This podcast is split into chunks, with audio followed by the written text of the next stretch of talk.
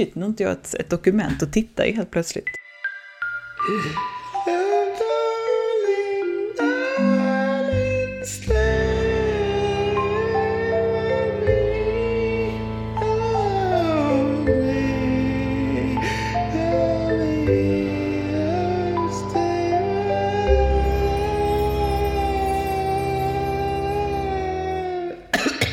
Ja, Anna, nu vänder vi på steken här. Nu har du suttit med oss alla och eh, fördomat oss allihopa.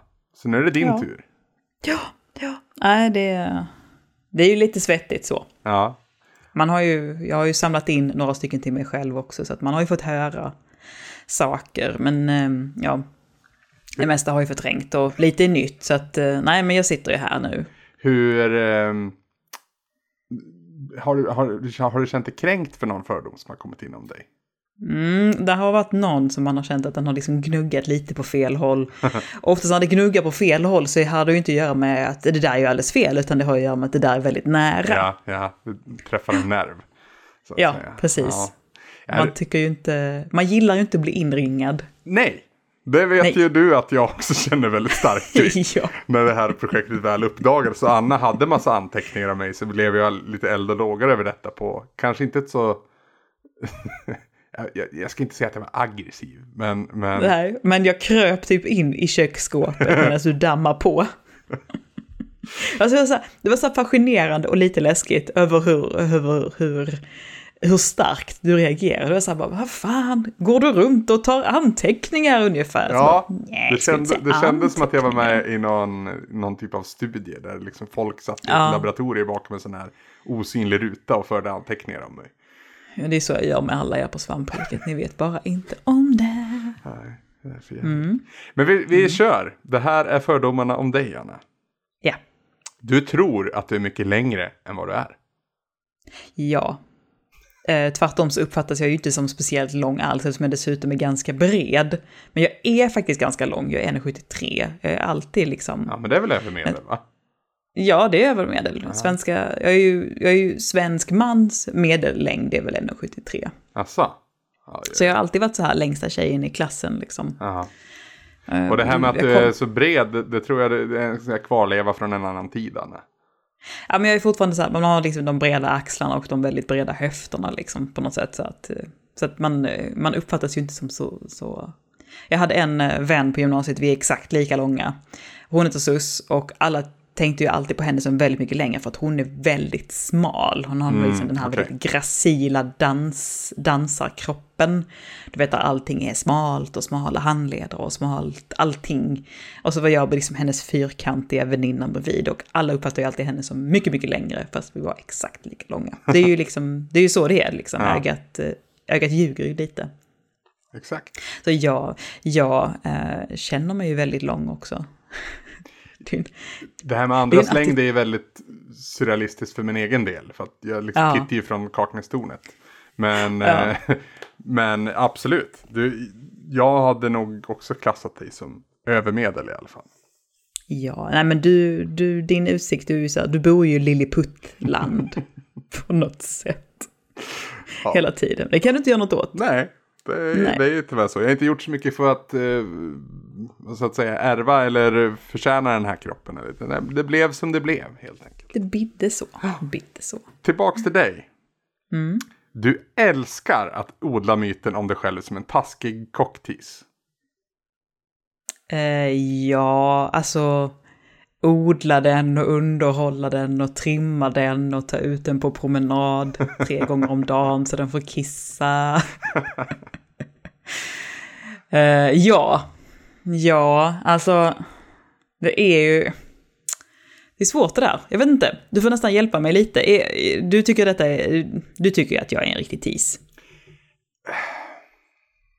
Det är, det är fel att säga det också, för det tycker jag väl kanske inte egentligen. Men jag ser små tendenser ibland. Kan man, får, jag, Ja. får jag säga det utan att liksom...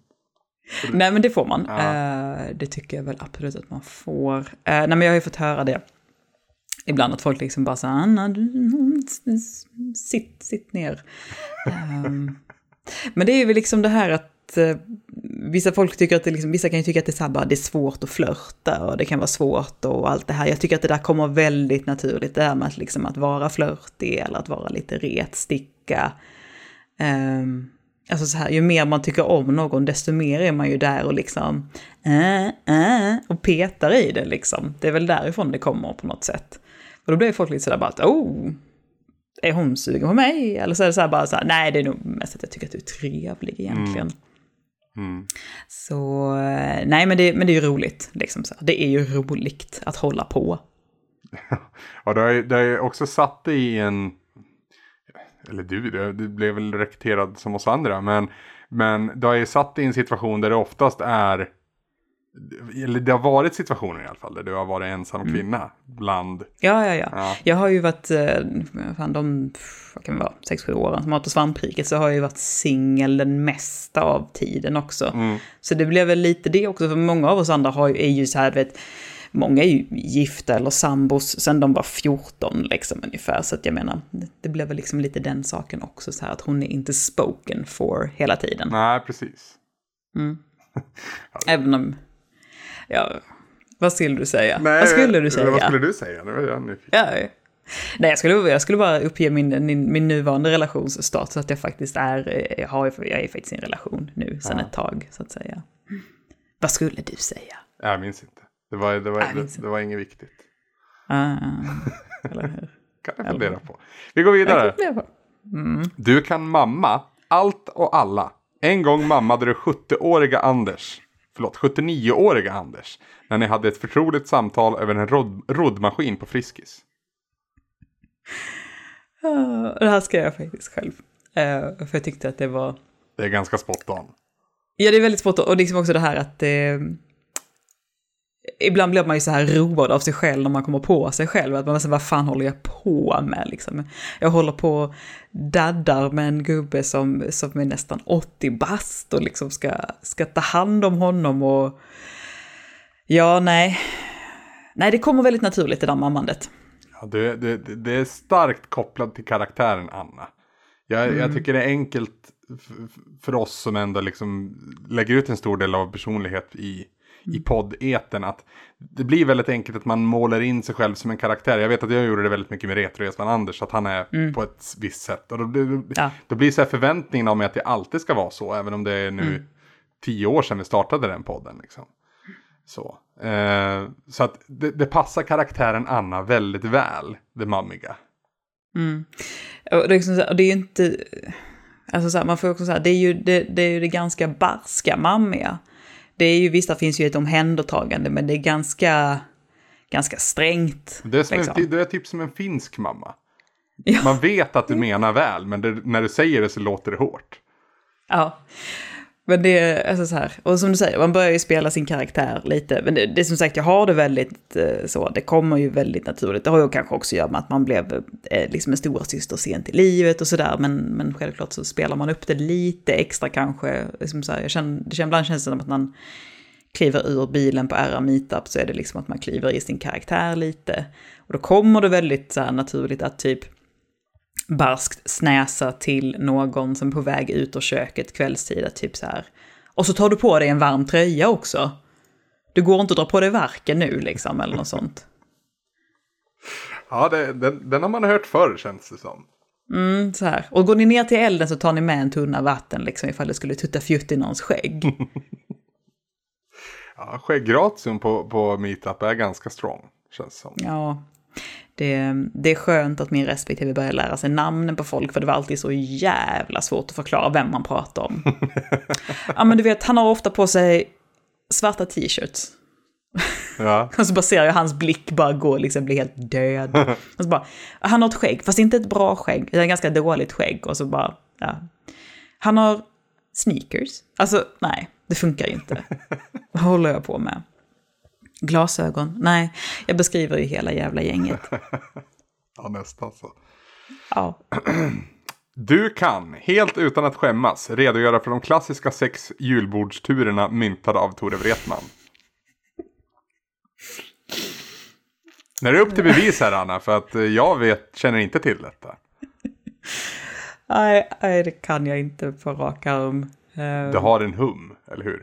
Jag har ett ganska bra hum. Ja. Liksom, så här. Det finns ju en, en turordning där. Eh, det har ju att göra med så här eh, svensk smörgåsbordsmat i olika etapper som sen har pytsat ut och blivit julmat.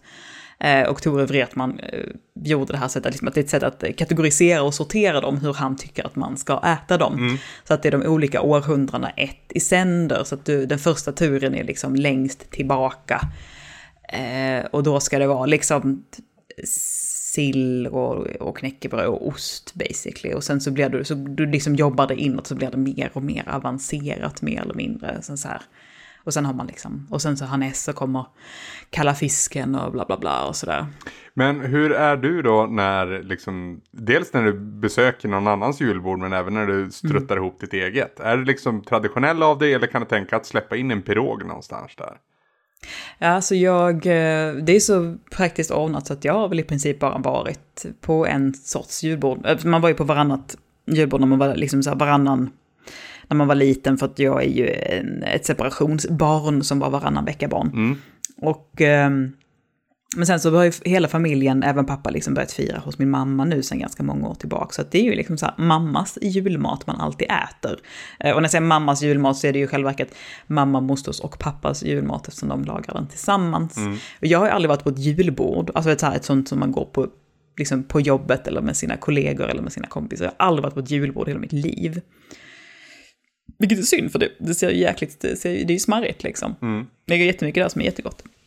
Nej, men jag, den enda gången jag har liksom gjort ett julbord i någon typ av julfirande, det var med ett ex och då gjorde vi burritos. Ah, långt ifrån traditionellt. Ja, och så gjorde vi det, vi gjorde det så som man gör, lite så som Svenna gör, liksom Svenna gör eh, fredagstaco, fast med mycket roligare innehåll. Så det var ju liksom inte det här lite julbordsstämningen av att det var verkligen ett långt bord med väldigt många olika saker så att man kunde bygga sig sin goda burrito liksom. Mm. Men det är väl också det här att man vet att alla kommer få äta den där julmaten i alla fall. Mm. Så att vi kan ju bryta av en kväll för att folk kommer äta sill så det står ut genom öronen på dem i alla fall. Och mår skit. Alltså jag, julmat är skitgott men jag mår inget bra av det i Nej, längden alltså. det är jättefet mat. Det är oftast Ja. bara väldigt salt.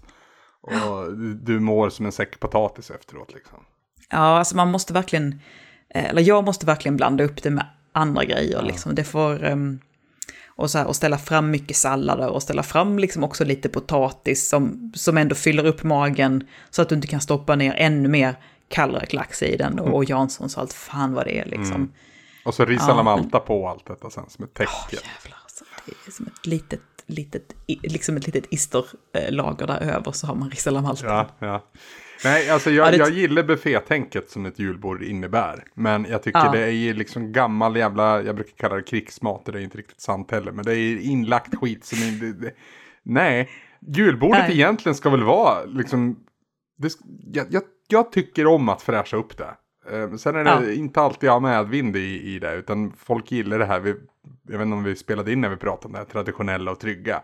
Men Mm. det är väl någonting kopplat till det ändå. Så att jag skulle nog säga att jag äter nog som mest två julbord per år. Mm. Och sen är det bra. Ja, det räcker gott så kan jag säga. Ja. Nej, jag, det, det, blir, det blir lite för många dagar. Sen så tycker jag, det är ju någonting fint i det här att man liksom kan, att man kan tidsresa med hjälp av mat till olika liksom delar. Så här. Men, men sen, men sen till syvende och sist så är det ju också det här bara att, men jag vill vara intakt, jag vill inte må skit och bara ligga. Alltså så här, jag kan ju bli så dålig så att jag behöver gå upp och kräka på nätter och sånt där för att Ja. jag för att jag äter så pass eh, nyttigt resten av året. Så när du dönar i dig julmat så är kroppen liksom bara helt så här, vad fan ska jag göra med detta liksom? Så att då kanske du måste upp och liksom ulma på natten. Och det är ju inte så jävla värdigt alltså. Det är inte- det är det faktiskt inte. Det är inte Det är kul för Nej, någon. det är inget kul. Nej, Nej. det är inte kul för någon. Verkligen inte. Du går med raggsockor hemma året runt. Nej, stämmer inte Det alls var bra. faktiskt. Du är alltså en, en fullt frisk funktionell människa. Mm. Nej. Eh, Jag är faktiskt, det är ju precis i början av september när vi spelar in det här avsnittet. Ja. Eh, Jag sitter faktiskt barfota just nu för att jag, jag tycker om att vara barfota så mycket som det bara går på sommarhalvåret. Och sen så går det till en viss punkt och sen så kommer sockorna på igen. Um, och är det riktigt, alltså när det är det riktiga jävla vintervädret så är det ju skönt att dra på sig raggsockarna liksom sådär och verkligen känna liksom att mm. Men det, det ska ju vara liksom sock, sock eller inte sock, det ska ju vara efter, efter väder och vind liksom och efter, efter eh, Absolut. årstid. Absolut. Ja. Det är skönt att vara barfota tycker jag. Ja, jag, jag mår riktigt jäkla dåligt om jag är för varm om mina fötter. Det är någon, det är någon grej, så jag fryser hellre om mina fötter än, än Ja. är varm om dem så att säga. Och sen så vet man också, det är fötterna liksom så här, man bara, det är, är okej. Alltså så här, det händer ingenting om de blir lite svala Nej. när man liksom lufsar runt där hemma. Det kommer inte, de kommer inte trilla av, den kommer inte liksom gripa in kallbrand eller någonting i första taget. Precis. it's okay. Precis. Det, det är ett sätt att temperera hela kroppen tror jag. Ja, nej, den... det är lite som mm, hundarnas nos. Ja, precis. Eller deras tassar också för den delen. Han släpper ut mycket värme där. Så. Ja, tydligen gör de det. Du älskar inte Filip och Fredrik. Och du älskar i synnerhet inte Filip. nej, nej. Jag fattar inte riktigt grejen där. Det finns ju saker de gör som när de gör det... Saker de har gjort som, som har blivit väldigt, väldigt bra, liksom, där man verkligen kan imponeras av deras eh, driftighet och så vidare. Mm. Men jag föredrar ju, som du säger, helt klart Fredrik av de två. Eh, För, för, för eh, Filip verkar... Alltså jag, jag har ju konsumerat för lite grejer för att egentligen ha så starka åsikter om dem, men eh, Filip känns jävligt grabbig, jävligt jobbig. Mm. Mm. Vet Kan du se det alls? Du, tycker, du är ju en sån person som tycker om de här Jo, två jo, mycket. ja, det gör jag. Men jag kan också se att det kan bli alldeles för mycket av dem. Jag har ju känt det själv. Och Mm. om det, om det är liksom någon jag kan relatera till eller mindre relatera till så är nog Filip, ligger han illa till Filip även där. Det, Mm. det jag liksom, jag ska inte rida ut till hans försvar på något vis. Men han har varit väldigt öppen med liksom hans hjärnspöken och det tycker jag är bra. Jag uppskattar alla som vågar prata om, om Absolut. sådana saker. Så att eh, liksom, han har varit öppen med väldigt mycket tunga grejer som han har gått igenom. Och så. Mm. Eh, så att han har liksom den, den lilla skölden. Eh, Mm. Ja, så. Men det, det blir ju enerverande tycker jag också. När det blir för mycket av dem. Ja, eh, allting. Alltså det är ju så. Det är ju så, det, det, är liksom, det är nästan ingenting som fungerar i för stora doser. Du blir mätt och de har ju varit... Det kanske liksom deras, deras största svaghet egentligen är kanske att de har gjort för mycket i 20 års tid. Mm. Om de hade pytsats ut lite, lite mera lagom så hade vi kanske tyckt lite, lite bättre om dem. Jag vet inte. De är ju är så här, samtidigt men- väldigt omtyckta. Så att, eh, ja. Ja, av snubbar. ja, mest av snubbar skulle jag nog tro. Ja, absolut mest av snubbar skulle jag. Ja. Eh, men som sagt, ehm, sen så, eh, alltså, jag har ju, de har ju bjussat på många jätteroliga garv genom åren. Liksom så. Jag tyckte mycket om deras film som de gjorde nu, Ja, Tårtgeneralen. Ja. Den var, Alltså den var just fin. det här att... Ja, eh, också det här att man, de verkligen redogjorde för varenda jäklans karaktär som var med och att jag någonstans kände det genom hela filmen, att karaktärerna kändes... Eh, även om de är, liksom, att det, det är överdrivna karikatyrer så kändes, jag tyckte ändå de kändes väldigt genuina. Ja, relaterbara, absolut. Ja, mycket, mycket så. Eh, Kommer man från en småstad själv så, så finns det jättemycket Ja. igenkänningsfaktor där. Och det är några år innan när man själv växte upp. Men det är vissa, vissa möbler och viss, alltså, de där detaljerna satt ju fortfarande. Mm. Ja, och framför allt så tycker jag ju Philips pappa, liksom den här. Ja, alltså, alltså det är en sån en man man ser, alltså den typen av karaktär ser man alldeles för lite, liksom den här väldigt känslosamma, sårbara mannen som försöker göra så jävla gott han kan och verkligen anstränger sig. Jag bara så här, det är en så fin karaktär. Mm. Och jag tyckte så jäklans... ja, Jag tyckte jättemycket om framförallt honom, liksom, Det är ju när det- han var med. Det är ju det bästa peptalket i svensk films historia. Vad jag kan dra till minnes. Hans eh, EM, jag vet vilket år blir det? EM 88 eller någonting sånt där. Mm. det, det, det, det fångade mig. Det hade Ja. funkat väl på mig det där peptalket kan jag säga. Mm. Ja. Nej, så att man ska ju inte, jag ska ju inte beskylla dem för att de inte inte, för att de aldrig har hjärta liksom. För att det, det visar de ju upp att de har. Men det är ju det här att jag har väl lite svårt för den här grabbiga humorn. Jag har ju väldigt svårt för humor som inte har värme i sig. Mm. Eh, men där till exempel visade de ju upp att de, att de hade det, att de kunde göra det. Mm. Så det får man ju ändå... Och också att de, de spände bågen liksom med den filmen och, och visade upp.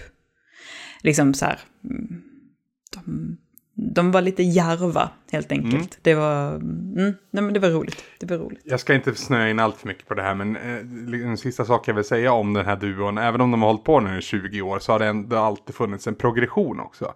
För det, de, det, det som gjorde dem känd med High Chaparral och Ursäkta röran och allt det här, det, är ju, det gör de ju inte längre. Och det är bra. Ja, alltså det är ju som sagt där, är man, är man lite insatt och lite intresserad, det är ju liksom också, det är då man börjar se, se nyanser och se Ja. utvecklingen. Medan jag har ju tittat på från ett väldigt bekvämt avstånd, så att det är ju samma sak där. Att man, och då, jag har ju en ganska bekväm åsikt på så sätt också, att jag är så här bara, ja, de, gör, de är sådana, de gör det, och det är inte för mig. Nej. Mm. Nu går jag och tittar på Dylan Moran istället för 500 gången. Det har hänt mer än en gång på fest när en snubbe orerar om sitt. Att en av dina vänner lagt handen på din axel och sagt inte nu Anna, inte nu.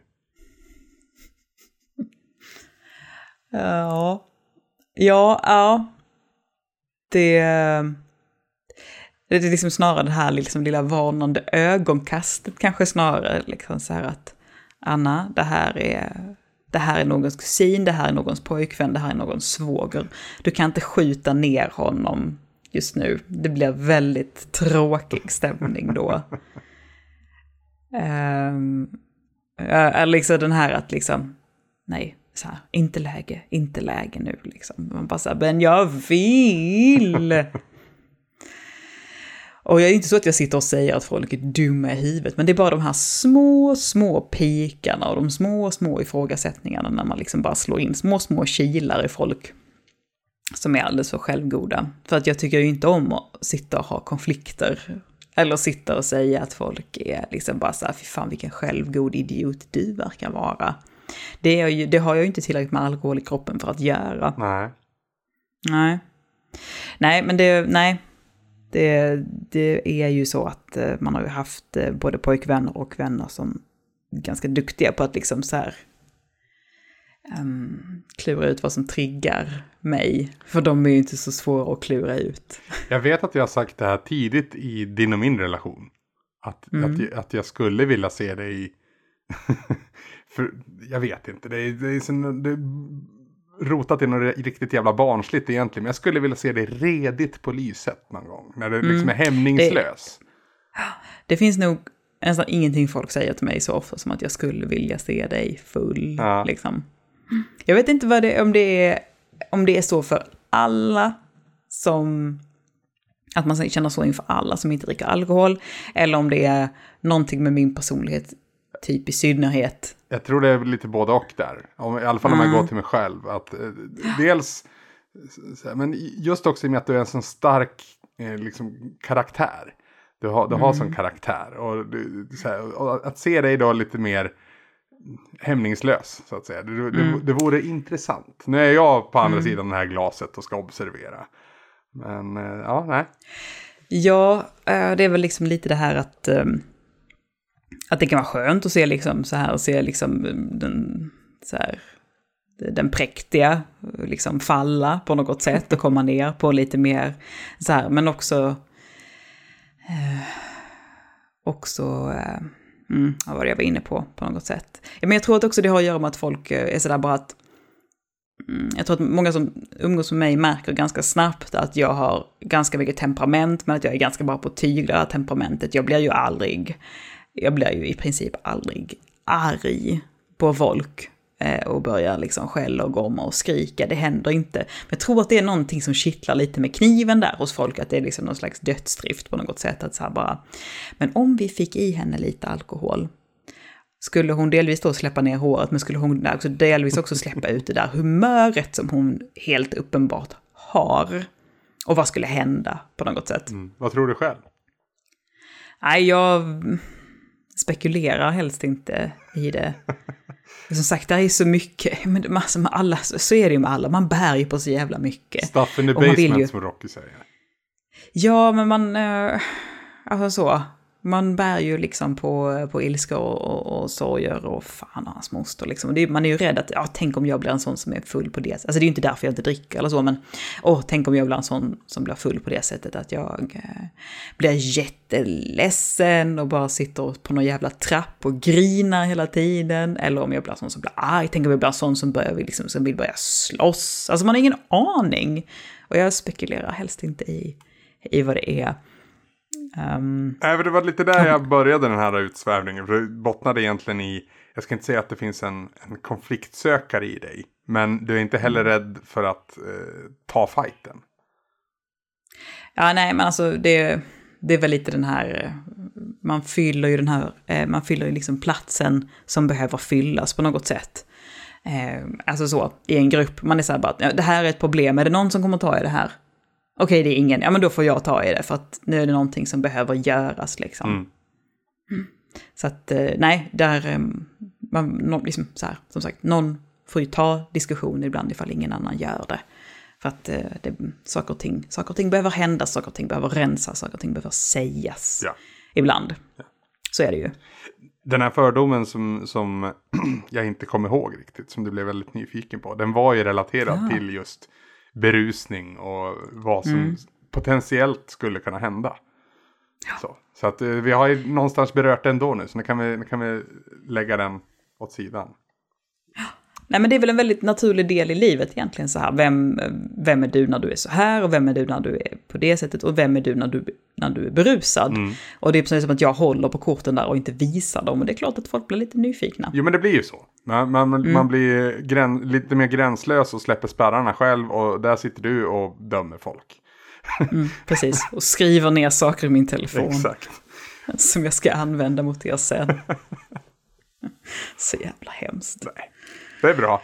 Ehm, Folk får göra hur de vill, resonerar du. Men du vill äta lut var, varje gång folk säger mellis istället för mellanmål. Ja, jag tycker inte om, jag tycker inte om de här förkortningarna som vi kör med. Eh, när det blir eh, mellis istället för ett mellanmål. Och ja men, det, ja, men du förstår vad jag menar, det, när vi snuttifierar språket och tar bort fullt adekvata ord liksom och, och, sätter, och ersätter det med något, eh, med något jävla care bears ord istället. Det tycker jag inte om. Nej, nej, okej. Uh, ja, alltså, det var ju ett bra exempel, vad skulle man kunna... Jag vet, jag vet Frulle då? är- det, är det godkänt? Ja, ja, frulle är ju mer så här, det är ju inte så snuttigt utan det är mer så här slött tonårslingo. Ja. Eh, nej men jag tycker inte om det.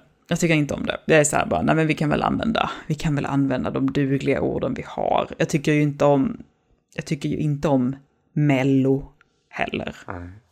Tänk om man Nu äter ett Mello. mellanmål under Melodifestivalen som man äter ett Ja, mellomellis. precis. Det är väl därför... ah. Fy fan. Nej men det är så här när min syrras och hennes kompisar säger att de ska äta chips och dipp och de säger kirre och dirre. Så Går inte man- snabbare, det blir ju bara... Nej, exakt. Det är ju bara omständligt. Och jag är så här, ah, men just det här eh, när man avslutar någonting med alltså i och s, liksom, när man gör ett litet is, ett litet mellis, ett litet, eh, alltså så. Ja. Det, det, det, är nog, det är nog fan det värsta. Det är nog fan det värsta. Du pratar frekvent med dig själv när du är ensam. Ehm, det är väl en- den här, en av de här absolut um, tidigaste punkterna på skalan, så här vet du att du håller på att tappa det, är att man snackar med sig själv. Och jag vet ju det. Och därför låter jag bli. För att det, det liksom är så här bara, det blir en väldigt tydlig tell att jag håller på att tappa mitt förstånd. Eh, men när jag blir riktigt jävla frustrerad på någonting, alltså det är just frustration som börjar gå över i ilska, då börjar jag prata för mig själv. Och det är ju bara för att min pappa gör det och jag gör allting som min pappa gör. Men du vet när man liksom så här, vet, du har försökt få till någonting två, tre gånger och du har failat. Och du börjar hålla på sådär bara, det var väl själv, det är ju satan i helvete vad det ska hålla på. Varför alltid jag? Där, där, där, där, där. Ja. Då kommer det där. Ja. Och det är då liksom ens respektive liksom bara så här, antingen backar ut ur rummet eller backar, eller liksom så här, liksom så här tittar in i rummet och är så här bara, okej okay, nu håller någonting på att verkligen spåra här inne, vad fan gör du? Men ehm, nej, jag pratar inte så mycket för mig själv. Ehm, det är väl lite den här, du vet, eh, antingen frustrationen eller att man är så här, du vet, Uh, ibland kan man ju bli väldigt trött på sig själv när man um, behöver komma igång med saker och ting och det inte fungerar. Då mm. kan man ju säga så här rakt ut i rummet liksom att bara nej, nu liksom så här, ta dig samman människa eller att uh, nu får vi fan se till att komma igång här liksom. Det är lite grann som att... Du behöver höra det från jobbar, någon och det kommer från dig då? Man behöver vokalisera mm. någonting för att göra, för att det liksom verkligen ska förstå att nej, nu har det liksom gått alldeles för långt med någonting här. En tanke blir ju mer utkristalliserad när den sägs i ord. Precis på samma sätt som att du kommer ihåg saker bättre om du har skrivit ner dem. Även om du inte läser det igen så kommer du ihåg det bättre. Ja, mm, precis. Det, ja. Och det är lite grann, är det inte lite grann som att man ger sig själv en varning också mm. på något sätt? Ja, faktiskt. Mm. Så när jag blir frustrerad och börjar svära och liksom prata högt ehm, så är det som att jag ger tillvaron en liten varning. Eller den här saken som krånglar. Den här Kinderäggsleksaken som inte riktigt vill med mig. Det är liksom att den får en varning nu att om inte du skärper till dig så åker du i soporna. ja. Du skulle aldrig klara av att riket tog in en till konstnär. Blotta tanken får dig att vilja flippa ett bord. Det hade... Nej, det hade verkligen inte gått. jag hade gissat på att du skulle ta det faktiskt, men okej. Okay. Nej, det hade inte gått. Jag är inte så bra med konkurrens. Um, det hade inte gått. Det hade du verkligen inte gjort. Okej. Okay. Nej. nej. Nej, nej, nej, nej, nej, alltså usch, usch, jag blir typ kall om nästippen här för jag tycker det är så jobbigt. Vi har ju aldrig känt att du inte räcker till, Anna. Så att du behöver inte vara orolig. Nej, alltså just det här att, eh, åh oh, fy fan vilken obehaglig tanke så här att, eh, ja men vi har eh, Simon här, han är, han är jätteduktig på, på bakgrunder och typ fordon och så, sånt som du, sånt som jag inte är bra på. Vi tog in honom för att han ska liksom, för att ni ska komplettera varandra så att nu har vi... Åh, oh, fan! Men hur är det då, nu blir det lite så här personligt igen, men Mm. Eh, när folk du känner tar hjälp av andra än dig för saker som du gör väldigt bra. Ja, men... Det beror på hur, hur mycket betalar de, de här personerna. Annars tycker jag mest att det är skönt att slippa the hassle. För det är liksom nästan aldrig så att det är så här bara, åh, det där grejen var så himla rolig så den hade jag velat göra. Äh. Det händer inte jätteofta. Jag minns, vi, du och jag pratade om estetiken som vi hade på Top 5 Podcast, jag och Elin. Mm. Och det, hon är ju också en typ av konstnär. Eller, ja, det är nog konstnär som är hennes. Eller tecknare, jag minns inte. Men mm. eh, jag, jag, jag, ska inte säga att det gav liksom sken då av att känna att det hade du kunnat fråga mig om. Men det var ju också en period i mitt liv där jag kände att jag hade liksom beställt väldigt mycket grejer från dig. Någonstans. Så att det vore bra om jag, om jag kunde avlasta Anna lite här. Ja, men så i och med att det var, den var ju, den podden var bara ni två. Mm. Och den ena av er var en konstnär. Mm. Så det följer sig saker och ting ganska naturligt. Men det är klart att man står ju utanför och så här, du vet, och tittar in genom fönstret och man står i regnet och bara, men Anders är min. Han var min först, han har varit min i fem år. Ska du komma här, din unga lilla, nej, skojar bara. Men, eh, nej men det, det är så här. Um, uh, ja men vissa så här, nej det, det där är, alltså så här, ifall det hade kommit in en konstnär till, eller så här du vet att vi har en ny skribent eller vi har någon ny som ska göra video och hen är också jätte, jätteduktig på, på att teckna och konst och vill släppa sina bilder här. Det hade varit jättebesvärligt för mig. Good to know, känner jag. Ja, ja, alltså så. Det hade varit för då är det liksom så här bara okej, okay, men då vill jag, då får vi hitta två separata forum som det här ska ske i. För att kom inte in och kladda i allt det som jag har byggt upp. Det här har varit liksom mitt nu i sju år. Det är så länge? Ja, det är det. Ja, det är det. det är... Vi är inne på åttonde säsongen nu. Herregud. Som podd. Det är snart dags att börja skolan. Det är väl dags rent av? Ja, ja det, vi går i första klass ja. eller vad fan det blir nu. Nästan andra klass blir det väl nästan. Jäklar. Mm, det är coolt. Eh, ta en liten anteckning där och så vill jag höra ett ljudtest från dig Anna, för du bröt upp där på slutet. Vet du vad? Där eh, hickade Discord till lite för mig, så att den Nu får är- vi ta en gång till. Nu är det väldigt mycket robot.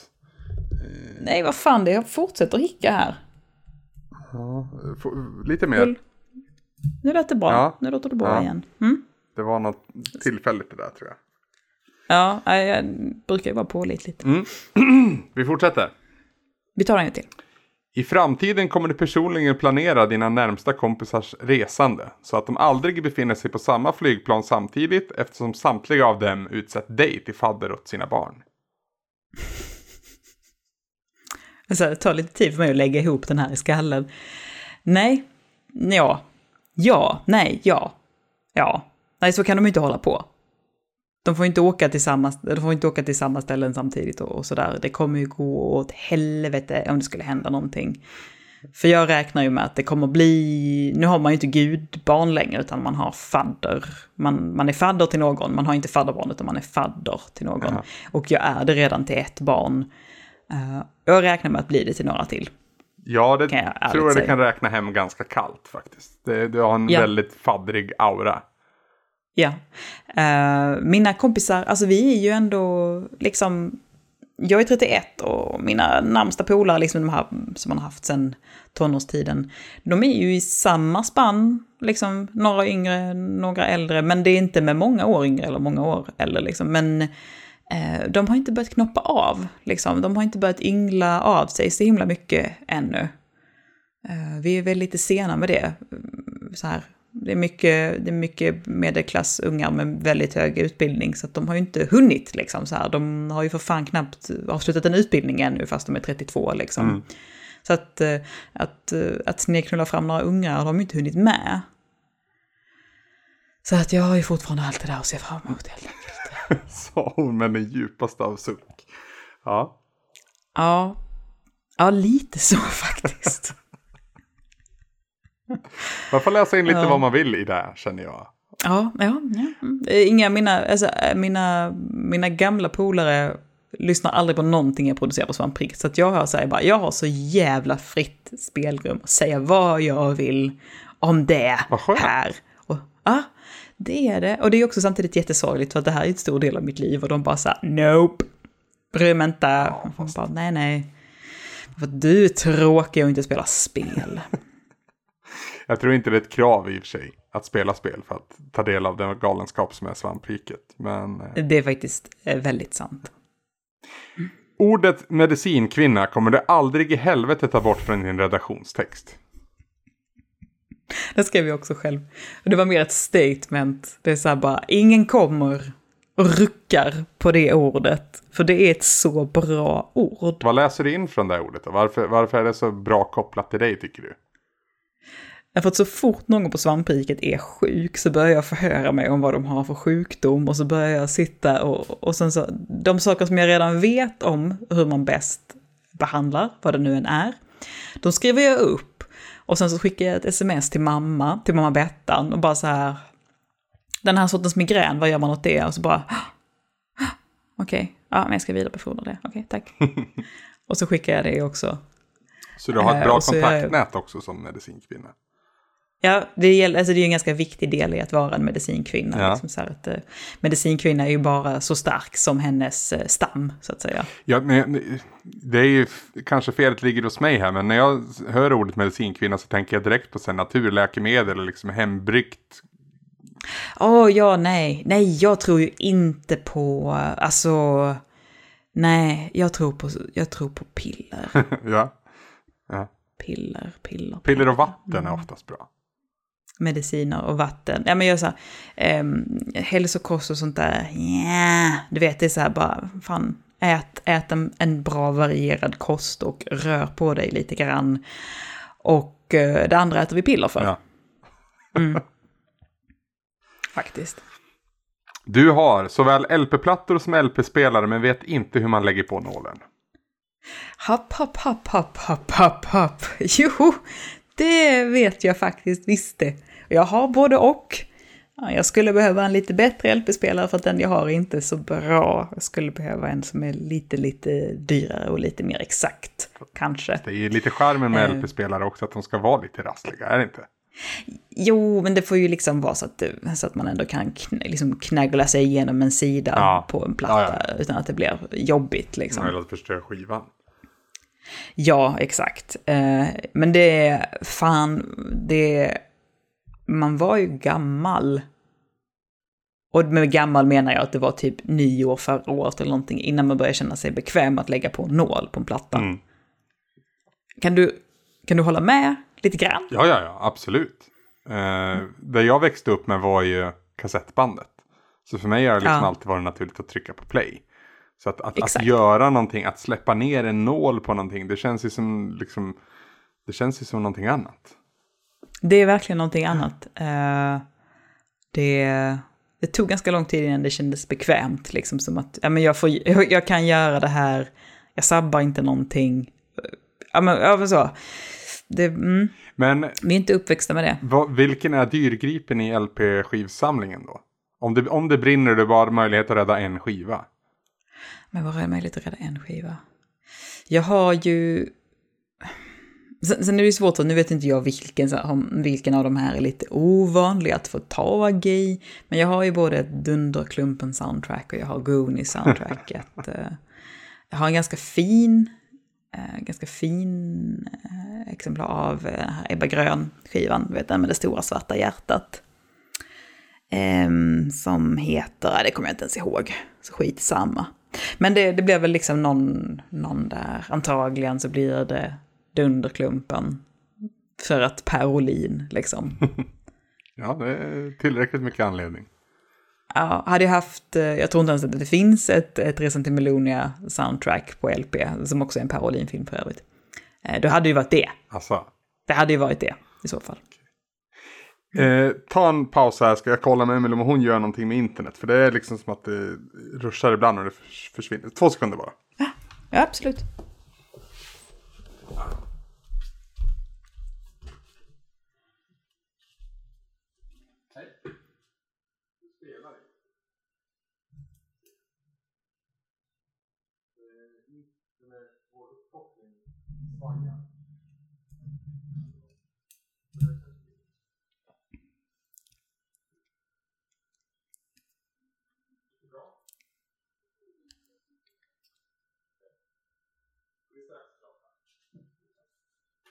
Får du uppdatera mig då?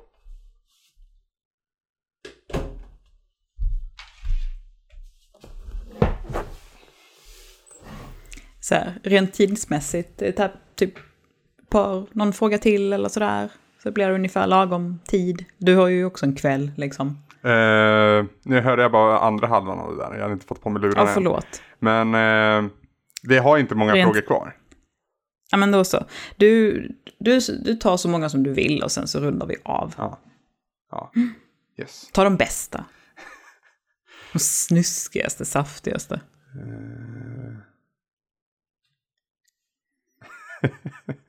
Ja, den här är ju aktuell så den här måste vi ta ändå. Okej? Vi kör. Det kan bli så att du sätter en kniv i vaden och karvar dig mot benet på den som nästa gång rackar ner på var du bor. Det är, så här, är det Jesper som har skrivit den här? Karvar mig in mot benet. Ah! Mm. Nu håller jag, ju- jag ju, håller ju på att eh, flytta just nu från Bjäre till Norrköping. Ja. Eh, men vi får ju liksom landa i att det är Bjäre de rackar ner på, för det har ju hänt typ hela mitt liv. Eh, ja, Jag kan ju säga det, Ja. Anna. Jag, de gånger jag har sett dig med de, den mörkaste blicken. Det är när folk har sagt åt dig att du måste flytta. mm. Man, man såg liksom Det- på hela din aura att du vill inte. Eh, Eller rättare sagt, man såg att där du hörde det, det stämmer men du vill inte ge det, det erkännandet. Det stämmer inte ens. Alltså, man kan. Jag kan bo här hela mitt liv. Det är bara jag som dikterar det och bestämmer det. Hade Max helvetet bara gett med sig så hade han flyttat hit och vi hade bott här. Ja, Och jag vill säga så mycket mer om det. ja, ja. Men jag har ju gått med på det här och jag tycker att Norrköping är en trevlig stad, det ska bli skoj och la Men eh, Alltså så här, man har ju, alltså det yttersta ansvaret har man ju mot sig själv och jag vet var jag kan producera mitt material, jag vet var jag mår bra, jag vet vad jag kan finnas till för familjen och vad de kan finnas till för mig. Eh, och även vart en hel del av vännerna bor, för att nu börjar ju vännerna flytta hem igen. Mm. Och dessa vänner som tidigare var sådär, du måste flytta, du måste flytta. Så nu när man ska flytta, man ska du flytta, du kan inte flytta nu. Och man bara så men åh herregud. Men det är ju det här, det är ju det här med en kvinna som är eh, ensamstående en hel del, i mitt fall, och inte har några barn. Och det är ju att alla tycker att, de, att hon tillhör dem, på något sätt. Mm. Jag ska vara så jävla mobil och ska kunna vara där de kan ha bäst nytta av mig. Hade jag haft en snubbe eller ett par kids eller något sånt där så är det ju ingen som kommer och bara säger du måste inte flytta. Så bara nej, här sitter jag med mina två tvillingar och ammar. Det säger man väl inte? Nej, det gör man ju inte. Men när du har varit, när man har varit jag i så många år så är det liksom så här, du ska vara där vi är så att vi kan ha nytta av dig när vi vill ha nytta av dig. Så flytta på dig. Och det tycker jag är provocerande. Det förstår jag. Mm. Det förstår jag. Uh, det mörka i blicken var då kopplat till allt uh, tidigare tjat. Stämmer detta? Ja, alltså det är ju en tio, år, en tio års backlog ja. på något sätt ja. av folk som är så här, jag ska bestämma det här åt dig eller jag tycker du borde. Och så var liksom bara, nej men, vad fan, fan. Man kan ju säga det på skoj, sådär, som jag kan säga till er att men, kom hit till svampriket, vi startar ett bondekollektiv och lever på potatisbrännvin. Men det är inte så att jag på riktigt sätter mig ner med ludd och är sådär bara, tycker att ni ska ta och flytta hit ner faktiskt. Tycker att du ska göra det för mig. Tycker att äh, Gävle är ett rövhål liksom, eller Kumla nu i detta fallet, just med Ludde. Mm. Uh, och där kan man inte bo. Du borde bo här istället. Men så gör man väl inte? Mm. Nej. ja. Du bara Ja, nej. Vi, vi tar, alltså ja. min, eh, vad vi tar bort från det här, jag skulle blivit på smällen när jag var 23 så hade jag sluppit det här jävla tjatet. ja, tjat är drygt. Ja, det är det. Det är det. Ingen har någonsin försökt ragga på dig eller ge dig goda råd på gymmet. Nej, nej det har de verkligen. Jag har ju gett Anders 79 goda råd. Ja. Som vi redan har konstaterat. Nej, fan vad det aldrig... Det har aldrig hänt. Liksom. Känner du att eh, du har gått miste om någonting där? Eller finns det en rimlig förklaring, anser du? Nej, men alltså... Nu liksom, eh, alltså allting som händer efter hela liksom, metoo-våren och så vidare. Eh, så har man ju förstått att det finns liksom, bara fan, det finns ju inte en plats som är trygg på något sätt. Och gymmet har absolut eh, varit en väldigt otrygg plats för kvinnor. Dock inte för mig.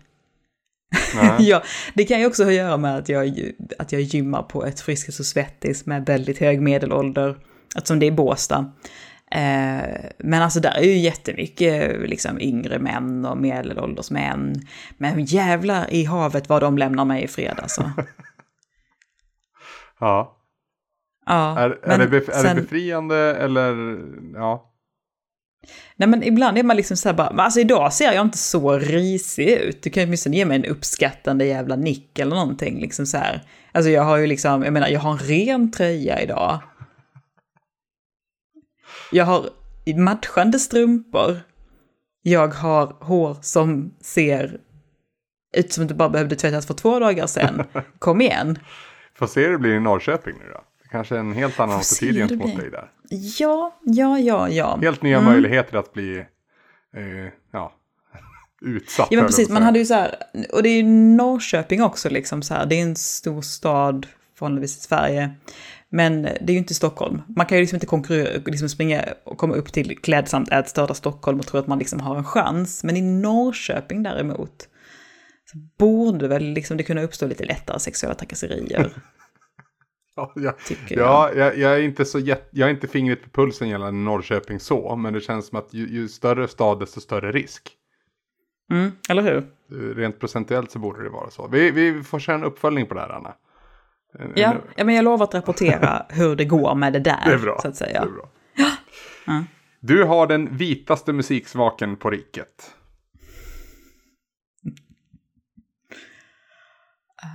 Nu börjar, som, som sätt som jag bläddrar igenom, som sätt som jag bläddrar igenom LP, min, här, min LP-samling i huvudet när du var så här, bara vilken skiva räddar du från elden?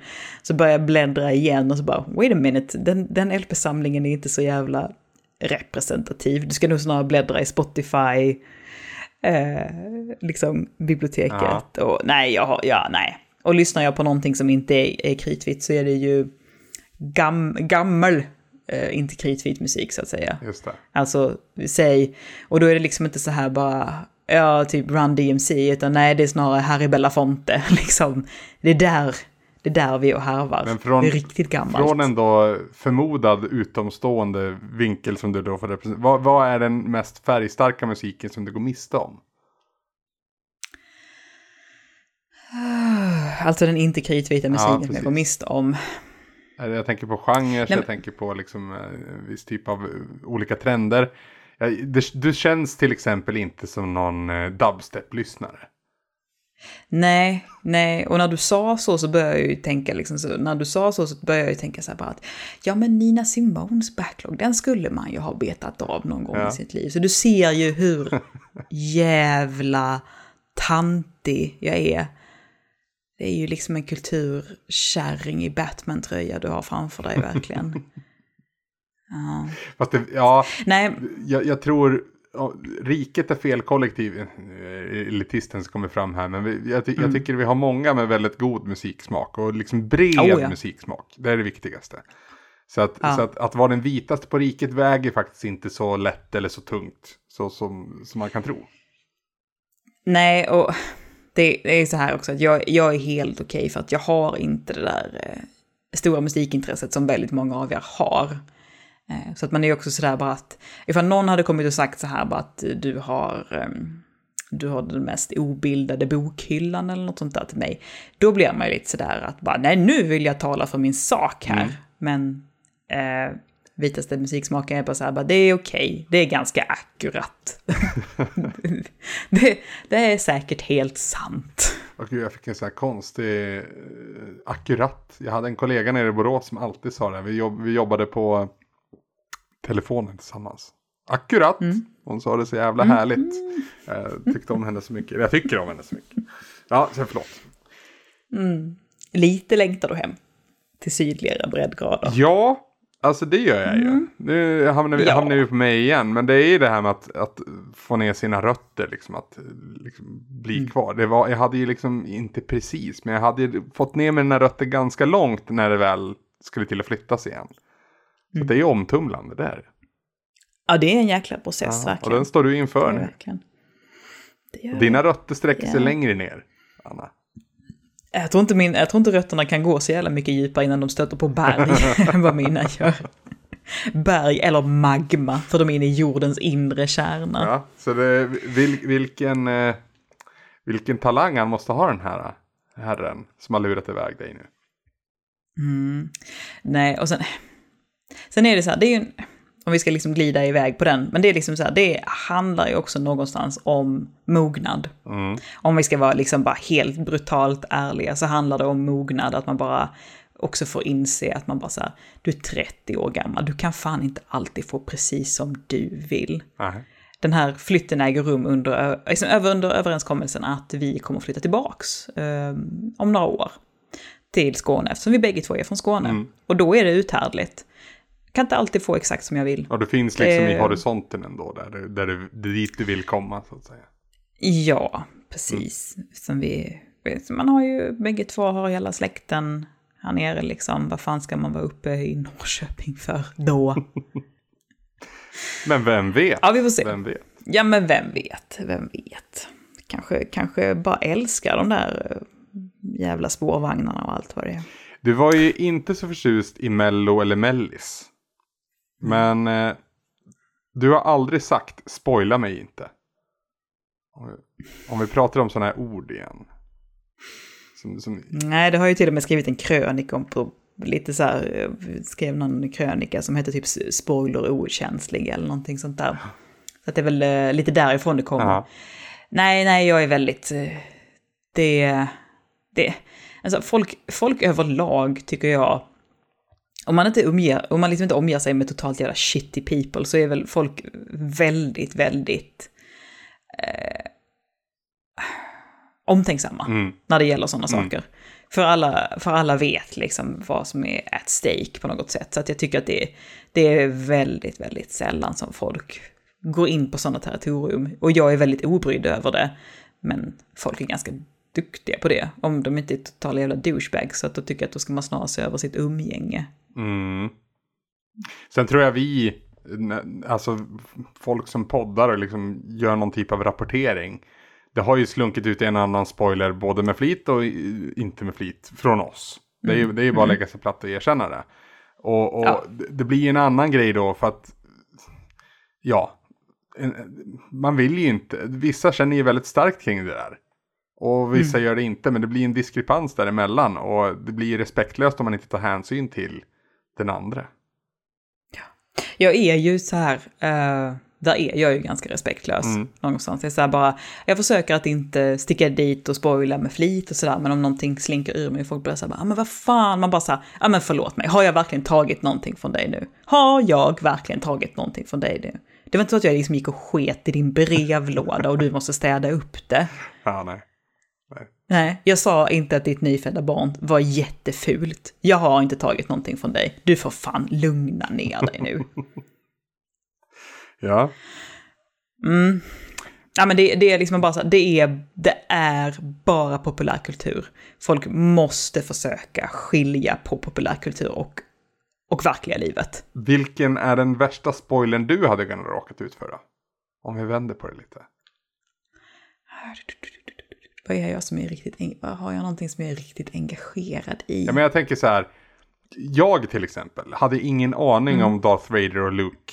När jag såg bio. Jag såg Ja, dem tidigt ja. 90-tal, du vet när de här uh, omarbetade Precis. versionerna kom. Och jag tyckte det var liksom, what? Wow. Jag såg det. Hade någon sagt det alldeles innan så hade jag blivit ledsen. Då hade jag inte fått den där effekten. Mm, mm, mm. Nej, men det är ju, det är ju, det är ju så, samtidigt också det här när folk liksom bara går in i någonting helt, det är ju liksom någonting rörande i det, att man verkligen har en stor upplevelse av någonting. Mm, jag sitter här och tänker, vad har jag haft några sådana väldigt stora upplevelser? Alltså jag har ju saker som jag tycker svinmycket om. Men jag håller dem väl lite jag håller dem väl lite på håll. Alltså så här, vet man bara så här, det här är skitbra, jag älskar den här grejen, men den är ju inte min. Det är inte så att jag äger den här grejen. Nej. Om någon spoilar mig i Buffy, som jag tycker jättemycket om till exempel, det är så här bara att ja, ja, då händer det. För jag, Det är ju liksom inte det inte- enda som händer samtidigt. Nej, och, och så här också bara, ja, det har kommit saker före Buffy, eller Star Wars, eller Stranger Things, det kommer saker efter det, och alla kommer finnas där at my fingertips, för allting är så otroligt tillgängligt. Det är så här bara, mitt, mitt liv tog inte skada av detta. Så att, eh, nej, jag, jag, jag får dodga den frågan. Jag kommer faktiskt inte på någonting bra att någon verkligen skulle liksom kunna... ehm, Det- nej, jag vet inte. det är okej, jag vet Anna. inte. Det är okej. Det är okej att inte bry sig. Ja. Det, det är tufft att inte bry sig. Ja. Nej, men nej. Jag bara gör inte det. Sorry. Stämmer det då att du är svindålig på att leta saker? Ja, alltså. Mm. Jag är nog inte... Ja, jag är inte bra på att leta efter saker. Jag blir... Du vet, man har sina så här, du vet, det, det kan finnas på de här... Det kan finnas på de här sex ställena. Och finns det inte där, då kan man börja bli riktigt jävla frustrerad. Och letar man bra när man är frustrerad? Nej, det gör Nej. man inte. Så att nej, jag är nog inte... Det är nog inte min starkaste gren, så att säga. Nej, Nej. nej. Nej, det är oftast, det är oftast kopplat till stress, frustration eller liksom spänningsrelaterade känslor. Ja, precis. Och jag är ju en stor boll av alla de tre. Så det blir ju inte skitbra. Men därför är jag också den som är så här, du vet, det är viktigt med rutiner. Det är viktigt att ha den där lilla skålen som man alltid lägger nycklarna i och sådär. Ja. Vad är det du tappar bort vet mest? att man är... Uh, jag tappar inte bort saker så jävla ofta för att jag är ganska bra på att hålla dem nära mig, för jag vet ju hur det blir. Mm. Men alltså när man liksom bara så här, men på riktigt var det, alltså vet, telefonen, sådana mm. saker liksom. Samma sak där, man släpper den aldrig så jävla långt ifrån sig, men jävlar vad man har tappat bort saker. Alltså på konstiga sätt genom åren. Och verkligen liksom haft panik över det. Mm. Det finns ingen värre känsla. Nej, Nej det, så är Nej. det ju.